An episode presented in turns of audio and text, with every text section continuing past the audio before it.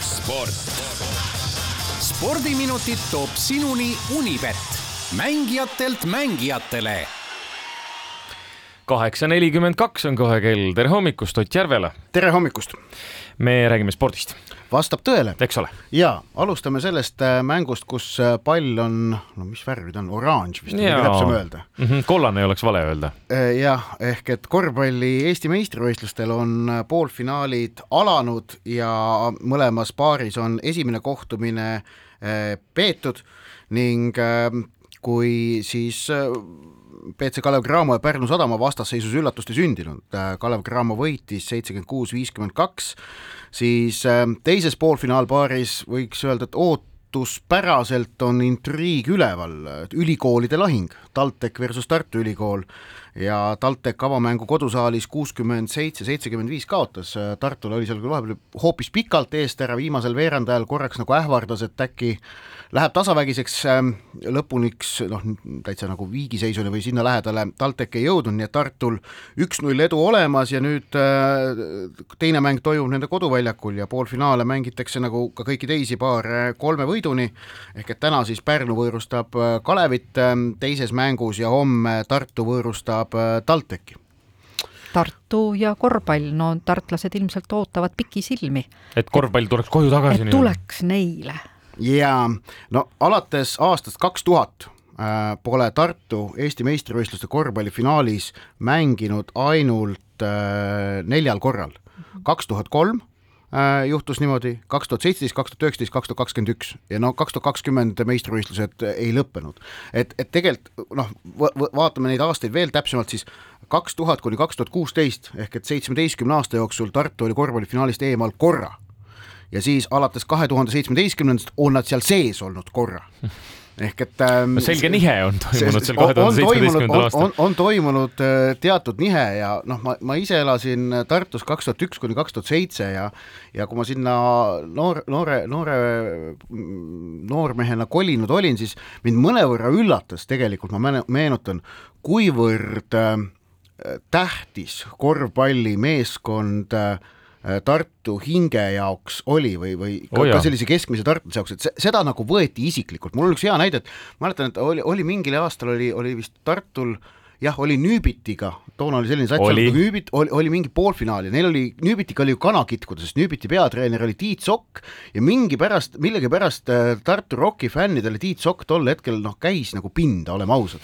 et nad, nad nagu saalis ka käis pidev nokkimine tema kallal aga siis mul ühe, paar sõpra olid mingid sellised paadunud Nüübiti toetajad, need olid siis äh, Tartu kesklinnas kuskil mingil hetkel ka skandeerinud, et noh, et Nüübit, Nüübit ja siis kogemata vales kohas natukene üle tee läinud. naksti oli politsei kohe mehed kõrvale võtnud ja mängule nad ei jõudnud igatahes.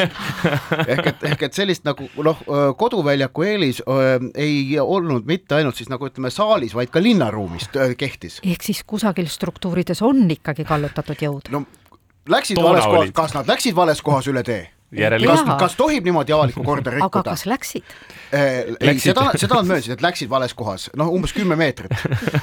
aga noh, eh, et, et kuidas öelda, vaata ametnikel on vist see Itaalia streik see asi, et, et kui kõike tehakse piinliku täpsusega, et, et äh, oskasid toona Tartu politseinikud äh, Nüübiti osas ka piinlikku täpsust äh, üles näidata. jah, olles ise muidugi nüüd aastaid Tartust eemal, mul on tõesti hea meel näha, et see on tagasi jõudnud, sest et ka minu need aastad Tartus on, ühtivad sinu omadega küll natuke pikemalt, kaks tuhat üks täpselt samamoodi olen minagi käinud Rocki vastu võtmas Tartu Raekoja platsis ja, ja need põnevad lahingud, mis Kalev Cramoga peeti või noh, jah, Kalev Cramoga ta vist toonagi isegi juba selle mm. nime all. ei, ei no kindlasti noh, need finaalid, mis on mängitud ilma Tartuta, näiteks kaks tuhat seitseteist, kui oli finaalis Rapla, see oli väga värskendav mm. -hmm. ka mullu, kui Pärnu oli finaalis, sai Kalev Cramo käest võidu ka veel kätte, see oli väga hea finaalseeria aga samas selge on see, et Eesti äh, korvpalli meistriliiga igatseb seda Tallinn versus Tartu intriigi, mida seoses Tartu meeskonna noh, madalseisuga, mis on päris mitu aastat juba kestnud, pole me mõnda aega tegelikult näha ja tunda saanud.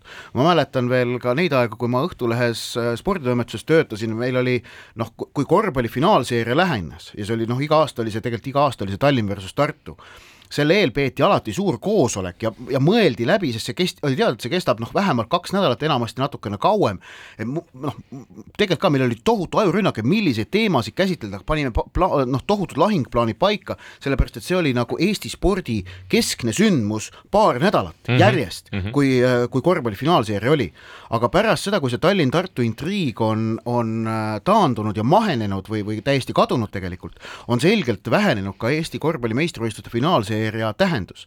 et see Tallinn versus Tartu vastasseis on Eesti korvpalli nii sügavalt tegelikult sisse kirjutatud, et seda on nagu korvpallil vaja ja noh, ma usun, et et Eesti korvpallis noh, need, kes ei ole otseselt nüüd TalTechiga seotud, kes otse loomulikult nemad tahavad ise finaali jõuda ja see on täiesti nagu arusaadav ja, ja, ja mõistuspärane. Eh, aga, aga need, kes ei ole TalTechiga otseselt seotud, need, ma arvan, soovivad näha Tartu äh, ülikool versus BC Kalev Cramo finaali, noh mis, mis on Tartu, mis Tartu Ülikooli võimekus tolles, tolles finaalis oleks, on omaette küsimus, aga mul on tunne, et praegu pärast sellist pikka pausi, noh, viimati Tartu oli finaalis kaks tuhat kaheksateist, et, et kuluks Tartule puhtalt ka see finaalis osalemine juba ära ja annaks neile mingisuguse tõuke hea küll, teisi palle on ka maailmas olemas. Lisaks oranžidele ka kollaseid. ja natukene väiksemad, aga väga olulised, ehk siis läheb tennisemänguks jälle. ja äh, Anett Kontaveit on lõpetamas oma paarinädalast võistluspausi, ta mängis viimati äh, aprillis Stuttgardi turniiris, kui veerandfinaalis Äh, kaotas seal Arina Sabaljankale, seejärel Madriidi turniiri jättis Kontaveiti äh, haiguse tõttu vahele, aga nüüd on siis maailma tipptennisistid kogunenud äh, Rooma, kus Kontaveidi vastane kuueteistkümnendik finaalis on maailma neljakümne seitsmes reket horvaaditar Petra Martic, kellega ta varem on kaks korda mänginud, mõlemad matšid võitnud.